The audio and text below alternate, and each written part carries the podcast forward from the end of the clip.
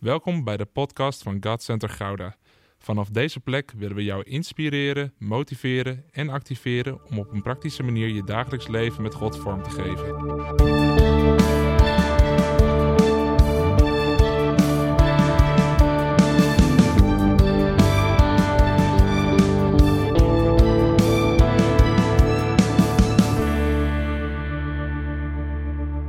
Hey, vandaag is een eh, hele speciale dag. Eh, ik ben, eh, persoonlijk ben ik hier al sinds eh, augustus naartoe aan het werken, naar vandaag. Ja, dat schept verwachting, hè? Ja, ja dus, dus ik ben er klaar voor en ik geloof jullie ook.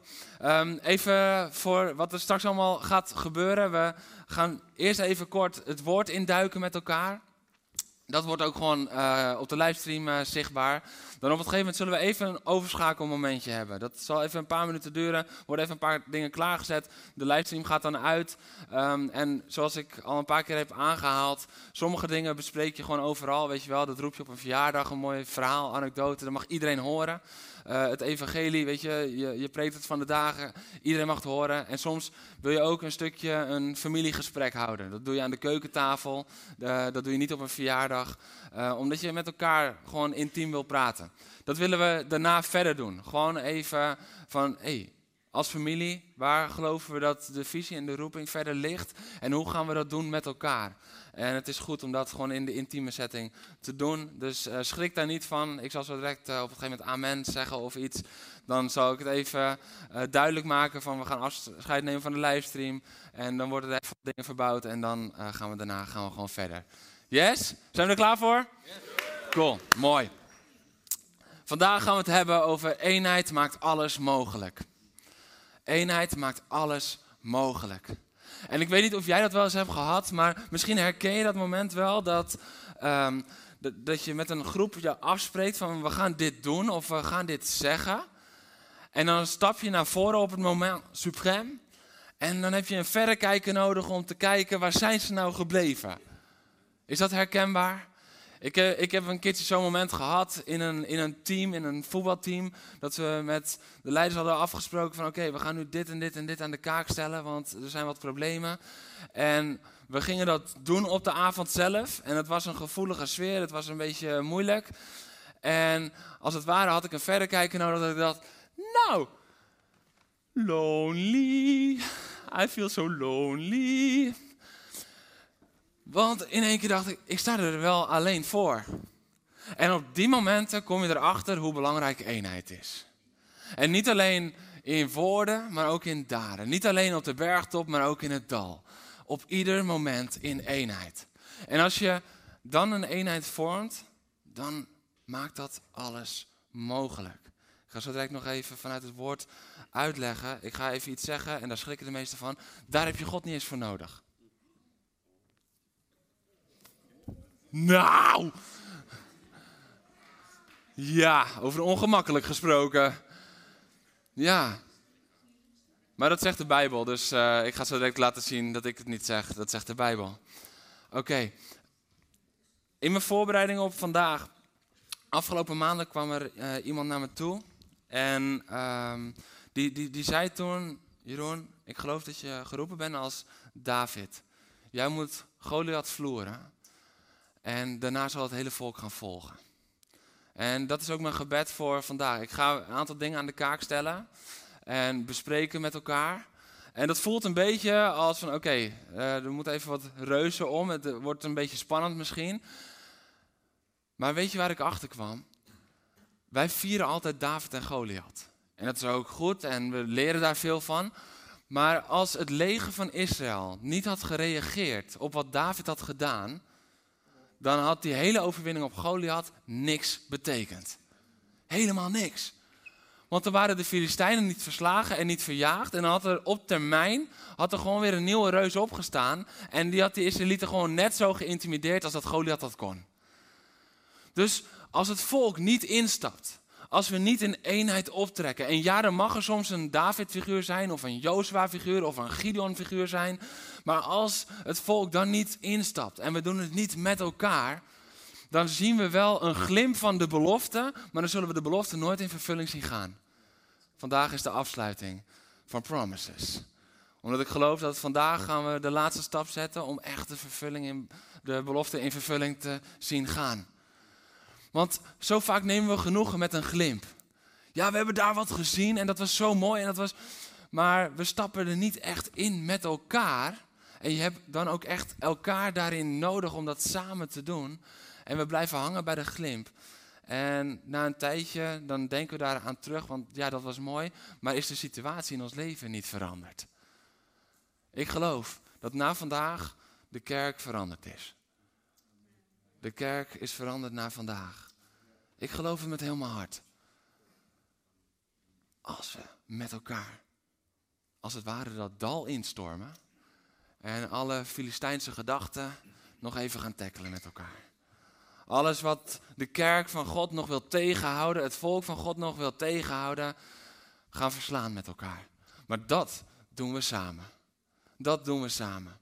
Dus dit moment voelt het misschien een beetje als David, maar wat we zien in dat verhaal is, de, de, de, de soldaten ze sprongen op en ze hieven de strijdkreet aan en ze renden achter ze aan. Het was niet zo van, oké, nou, ja, nou ja, oké, nou, dan gaan we eens even kijken. Even voorzichtig. Nee, ze zagen wat er gebeurde en ze begonnen te rennen. Ze hielden nergens meer rekening mee. Ze, het was niet van, oké, nu moeten we nog berekenen. Nee, dit is de glimp van de belofte. En als we de glimp zien, dan kunnen we de vervulling pakken. Dat is wat daar gebeurde. Je ziet zowel in het Oude als in het Nieuwe Testament dat alles in groepsverband gebeurt. Wist je dat? Gideon moest 300 strijders. Hij begon met uh, eh, 30.000, maar 300 strijders moest hij mee. Stel je voor dat Gideon de enige was die zijn kruik kapot had geslagen. Dan had het verhaal niet in de Bijbel gestaan, want dan was er geen overwinning geweest. Bij David, alle strijders gingen het al in. Bij Jozua, alle strijdbare mannen moesten iedere keer volgen. Bij Mozes, als hij de tabernakel gaat inrichten, het hele volk kwam brengen. Het hele volk. Niet alleen de 10% meest welgestelde mensen, nee, het hele volk kwam brengen. En zowel bij Mozes als bij David zien we ten overvloede. Dat ze op het gegeven moment moeten zeggen, het is genoeg, het is genoeg. Het is, het is goed zo, we hebben genoeg. Bij Nehemia alle bouwlieden. Bij Petrus, als hij gevangen zit in handelingen, dan staat er dat de hele gemeenschap samen was om te bidden. Wij, als één lid van het lichaam leidt, Zeggen we dan van oké, we hebben zeven gebedstijgers in deze gemeente, laat ze samenkomen. Of de hele gemeente. De hele gemeente was aan het bidden op dat moment. De discipelen, ze bleven allen eensgezind bij elkaar totdat Pinksteren kwam. Weer samen. En met Pinksteren zien we dan ook dat we zien dat Petrus naar voren stapt samen met de elf anderen. Wat een verschil met het moment net voordat Jezus gekruisigd wordt. Samen stappen ze naar voren. Dus ja, er is vaak is er iemand die de eerste stap zet. Er is vaak een voortrekker. Iemand die het initiatief neemt, maar dan samen. Met elkaar. Als eenheid. En het antwoord dat we gezamenlijk geven op de roep van God vandaag bepaalt de richting waarin we lopen als volk, als huisgezin, als leger, als lichaam, als kinderen van God. Welk antwoord geven we vandaag met elkaar? En daarvoor wil ik lezen Genesis 11, vers 1 tot en met 9 en Handelingen 2, ook een stukje. Dus je mag opstaan voor het woord van God. Met z'n allen. Als het binnen je mogelijkheid is. Genesis 11 vanaf vers 1. Ooit werd er op de hele aarde één enkele taal gesproken. Toen trokken de mensen in oostelijke richting uh, ze kwamen in Siniar bij een vlakte en daar vestigden ze zich. Ze zeiden tegen elkaar, laten we van klei blokken vormen die goed, en die goed bakken in het vuur. De kleiblokken gebruiken ze als stenen en aardbek als specie. Ze zeiden, laten we een stad bouwen met een toren die tot in de hemel reikt. Dat zal ons beroemd maken en dan zullen we niet over de hele aarde verspreid raken. Maar toen daalde de Heer af om te kijken naar de stad en de toren die de mensen aan het bouwen waren. Dit is één volk en ze spreken allemaal één en dezelfde taal, dacht de Heer. Wat ze nu doen is nog maar het begin. Alles wat ze verder nog van plan zijn, ligt nu binnen hun bereik. Hey, dit is het stukje? Ze waren niet met God bezig, maar ze Ze trokken op in eenheid. Ze spraken één taal en alles was mogelijk. Ze hadden God daar dus nog niet eens voor nodig, moet je nagaan als God erin is. Laten wij naar hen toe gaan en spraakverwarring onder hen teweeg brengen, zodat zij elkaar niet meer verstaan. De Heer verspreidde hen vandaar over de hele aarde en de bouw van de stad werd gestaakt. Zo komt het dat die stad Babel heet, want daar bracht de Heer verwarring. Babel betekent verwarring. In de taal die op de aarde gesproken werd. En vandaar verspreidde hij de mensen over de hele aarde. Maak een klein sprongetje naar Handelingen 2, vanaf vers 4. En allen werden vervuld van de Heilige Geest en begonnen op luide toon te spreken in vreemde talen, zoals door de Geest werd ingegeven. In Jeruzalem woonden destijds vrome Joden die afkomstig waren uit ieder volk op aarde. En toen het geluid weer klonk, dromden ze samen en raakten ze geheel in verwarring, omdat ieder de apostelen en de andere leerlingen in hun eigen taal hoorde spreken. Ze waren buiten zichzelf van verbazing en ze zeiden: Het zijn toch allemaal Galileërs die daar spreken? Hoe kan het dan dat wij hen allemaal in onze eigen moedertaal horen? Parten, Mede, Elamieten, inwoners van Mesopotamië, Judea en Cappadocia, mensen uit eh, Pontus en Azië, Frigië en Pamphylië, Egypte en de omgeving van Cyrene in Libië en ook Joden uit Rome die zich hier gevestigd hadden. Joden en proselyten, mensen uit Kreta en Arabië. Allen hoorden hen in eigen taal spreken over Gods grote daden. Amen. Je mag gaan zitten.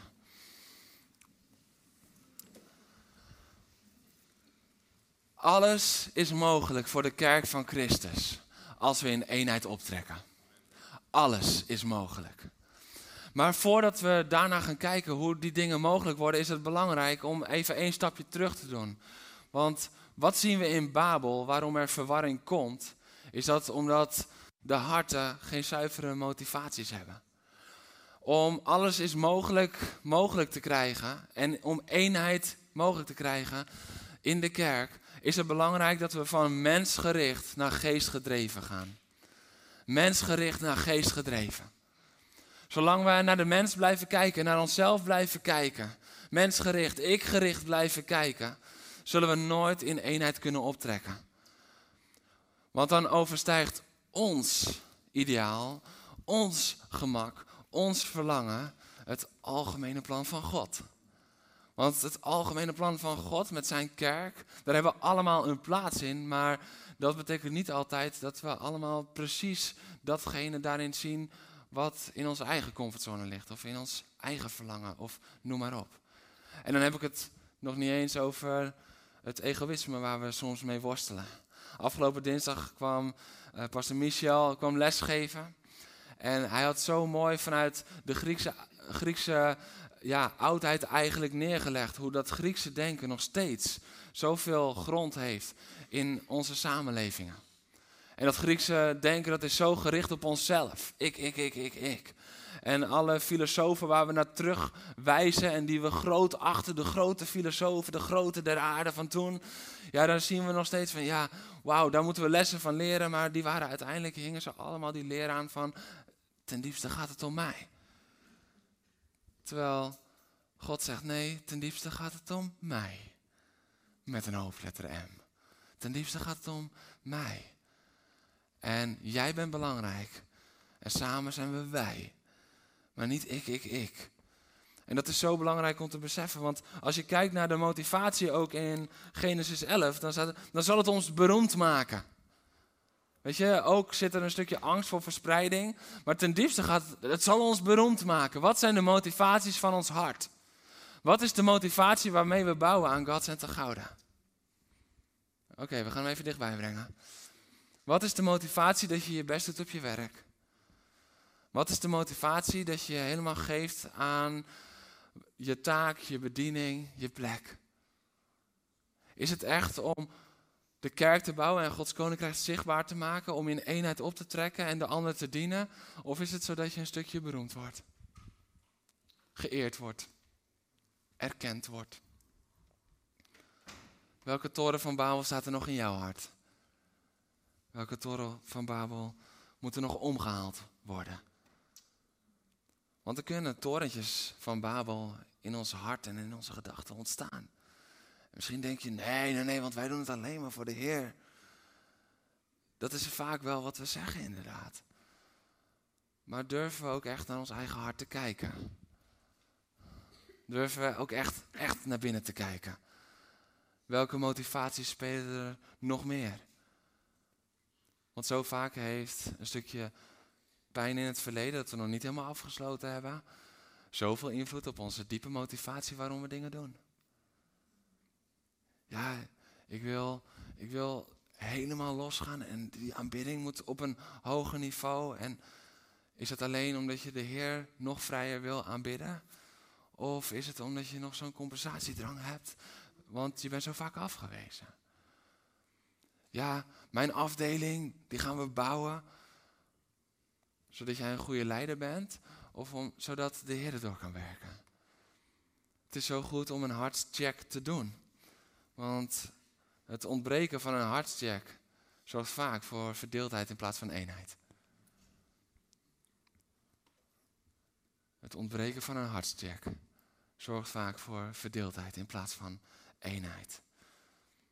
Want als je geen torentje van Babel meer in je hart hebt, hoe kan het dan dat je soms nog moeite hebt met die broeder of zuster? Die misschien wel naast je zit nu. Niet omkijken.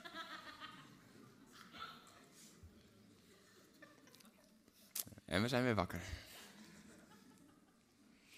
Hoezo kan het dan dat je geen vertrouwen hebt in anderen of in leiders?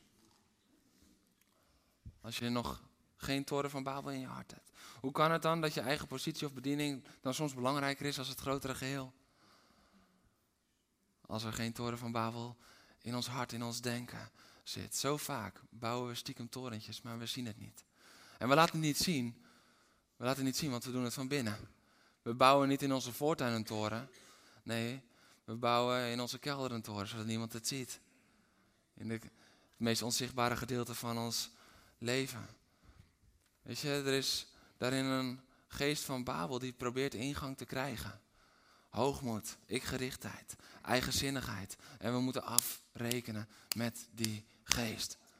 En dat is ook een geest die komt vanuit de, de, geest van dat hele Griekse denken en, en noem maar op. Maar dat vindt zijn oorsprong al helemaal daar in Genesis 11. Weet je, ik ben er ook achter gekomen dat waar verwarring of oneenigheid komt, weet je, vaak zien we dat dan en dan zeggen we, ja, omdat er verwarring of oneenigheid is gekomen, daarom is het misgegaan. Maar er zit één stap voor, maar die zien we vaak niet. Het is niet door de verwarring en de oneenigheid dat het mis is gegaan. Er is verwarring en oneenigheid gekomen omdat het is misgegaan in ons eigen hart.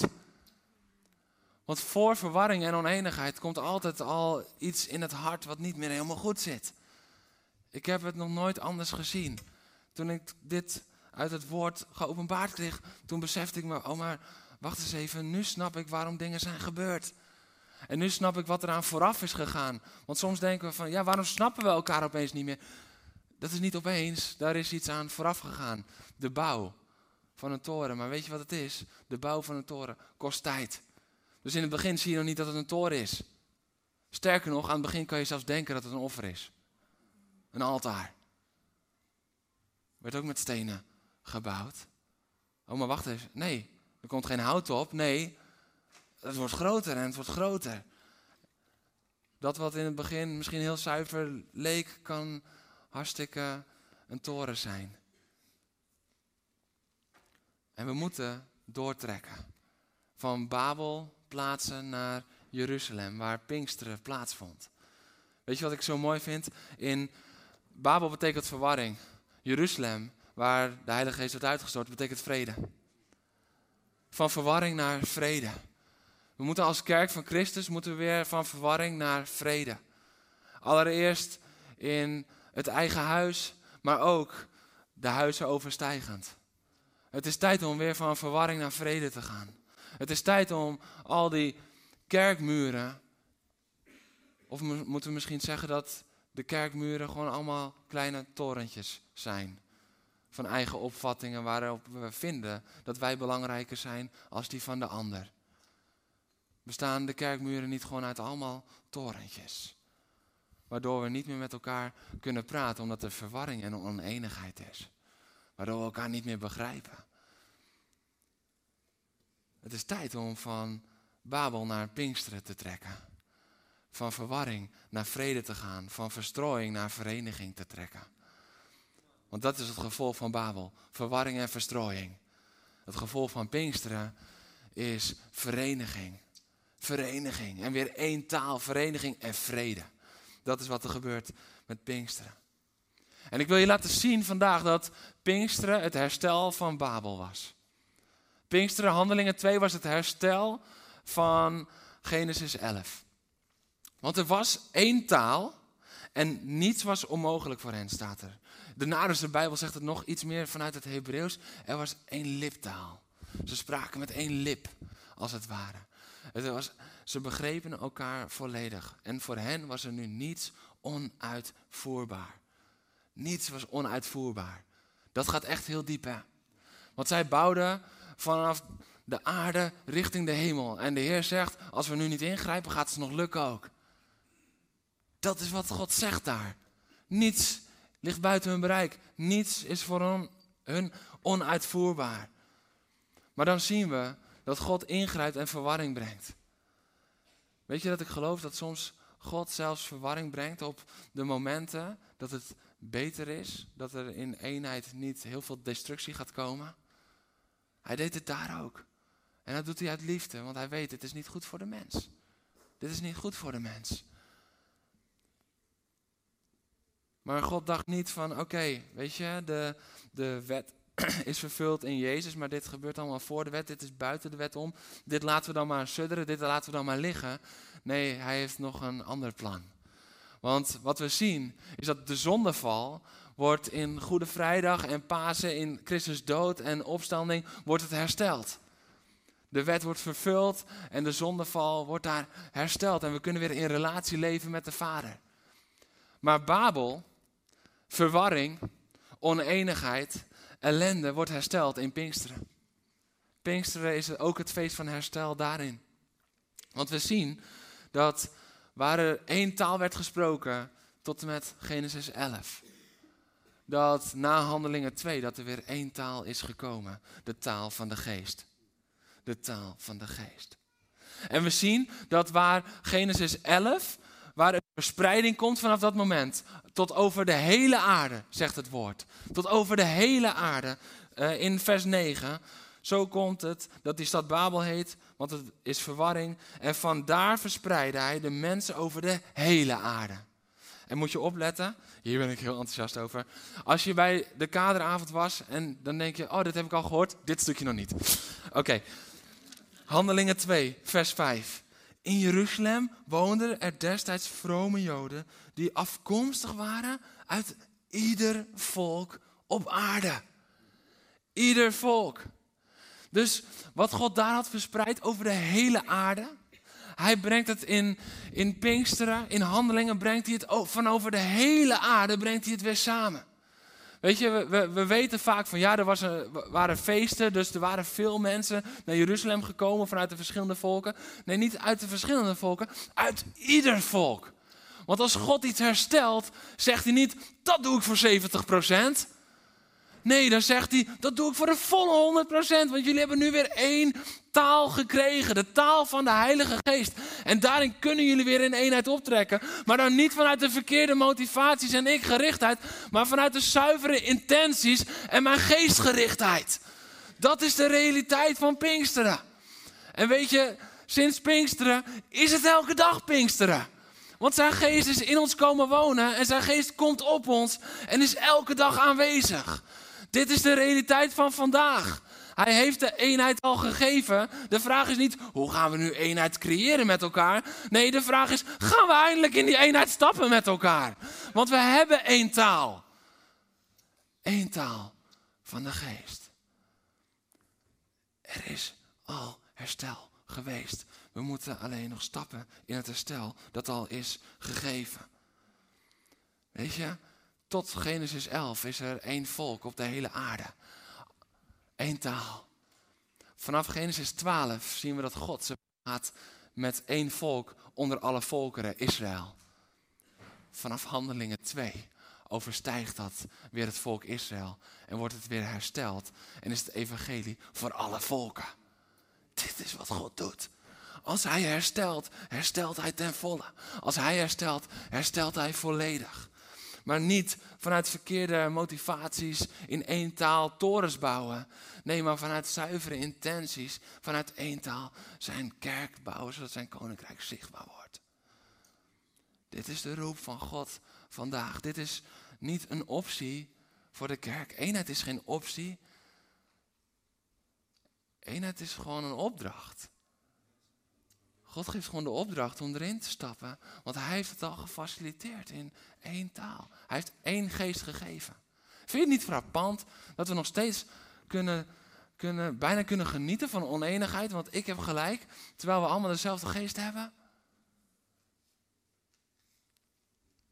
Al had je gelijk, zit je nog fout als je die oneenigheid wel terecht vindt. Wist je dat? Het is tijd dat we weer in eenheid optrekken. Alles wordt mogelijk als we het samen doen. Weet je wat ik zo erg vind? Dat de kerk niet meer uit eigen kracht in eenheid kan optrekken, maar in zijn kracht. En dat de kerk nog steeds minder voor elkaar krijgt als de mensen toen in Genesis 11. Dat raakt me. Dat doet me pijn, zeg ik eerlijk. Weet je wat me ook pijn doet? Dat wereldse bedrijven en organisaties en instanties en noem maar op, dat ze veel meer voor elkaar krijgen als de kerk. Weet je hoe het komt? Ze snappen wat het is om gewoon met één doel te gaan. En in eenheid op te trekken. En ja, natuurlijk zien we daar ook voorbeelden dat het misgaat. Maar we zien voorbeelden waar het goed gaat in eenheid. Alleen die, die motivaties zijn niet zuiver. En het brengt heel veel profijt voor hunzelf, maar niet voor de, de zegen is niet voor mensen om hen heen. Die is alleen maar voor zichzelf. En ondertussen als kerk modderen we maar een beetje wat aan. Omdat we toch vinden dat mijn mening belangrijker is als de eenheid. Zo. Ik ben vet open, maar ik sta wel zo. Want dit is zo vaak wat er gebeurt. Hoe kan het zijn dat bedrijven en organisaties, dat ze alles voor elkaar krijgen? Omdat ze optrekken in eenheid. En het woord van God leert ons, alles is mogelijk. Alles is mogelijk. Alles is mogelijk. Hoe is het mogelijk dat, dat als er ook maar een bedrijf is die goed georganiseerd is en in eenheid optrekt, dat ze gelijk denken van weet je wat, als we naar Gouda gaan, dan hebben we een strategie en dan gaan we heel Gouda bereiken met ons bedrijfsplan. En wij zitten te denken van, ja, ja, Gouda voor Jezus. Nou, laten we eens beginnen met een verdubbeling. Want nee, Gouda voor Jezus. God heeft iedereen op het oog. God bracht iedere, uit ieder volk, bracht die mensen naar Jeruzalem om, om herstel te brengen van Babel. Uit ieder volk. Als God uit ieder volk over de wereld mensen kan samenbrengen, denken we dan echt dat zijn geest niet kan vallen op deze stad? Denken we dan echt dat hij niet heel gauw daar kan redden? Ik denk het wel hoor. Ik denk het wel. Ik denk alleen dat we heel vaak nog te maken hebben met een lichaam dat niet helemaal 100% functioneert. Omdat de lichaamsdelen niet op elkaar afgestemd willen zijn omdat het lichaamsdeel zichzelf misschien wat belangrijker vindt als zijn of haar plek in het geheel.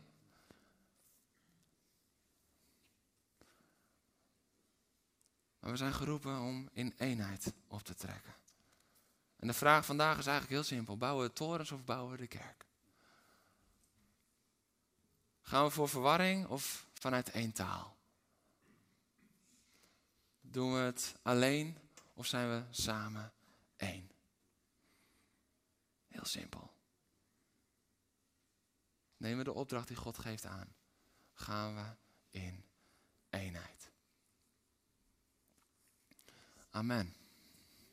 Amen. Dit was de eerste helft. Dan wil ik vragen of, uh, dit is even heel praktisch tussendoor. Blijf lekker in de focus, maar even heel praktisch tussendoor. Er zijn een aantal kaderleden die gaan de kinderwerkers overnemen. Waarom? Ik heb dit op een donderdagavond op het kader, heb ik het al gedeeld. Um, dus zij weten dit al en we vinden het heel fijn als echt iedereen erbij kan zijn. Omdat de livestream zo uitgaat. En um, Die worden even overgenomen, dus er komen zo direct kinderwerkers bij. Als je de livestream zit te kijken, dan hoop ik dat je enorm bent gezegend door dit woord. Ehm, ik hoop dat als je er niet bij kon zijn, maar je bent wel deel van de gemeente, dat je zeker gewoon naar ons toe komt om nog navraag te doen. Wat is er daarna besproken? En als je gewoon meekijkt en dit is niet je eigen gemeente, dan geloof ik dat je gezegend bent door vanochtend. En dan wens ik je een hele goede rest van de zondag.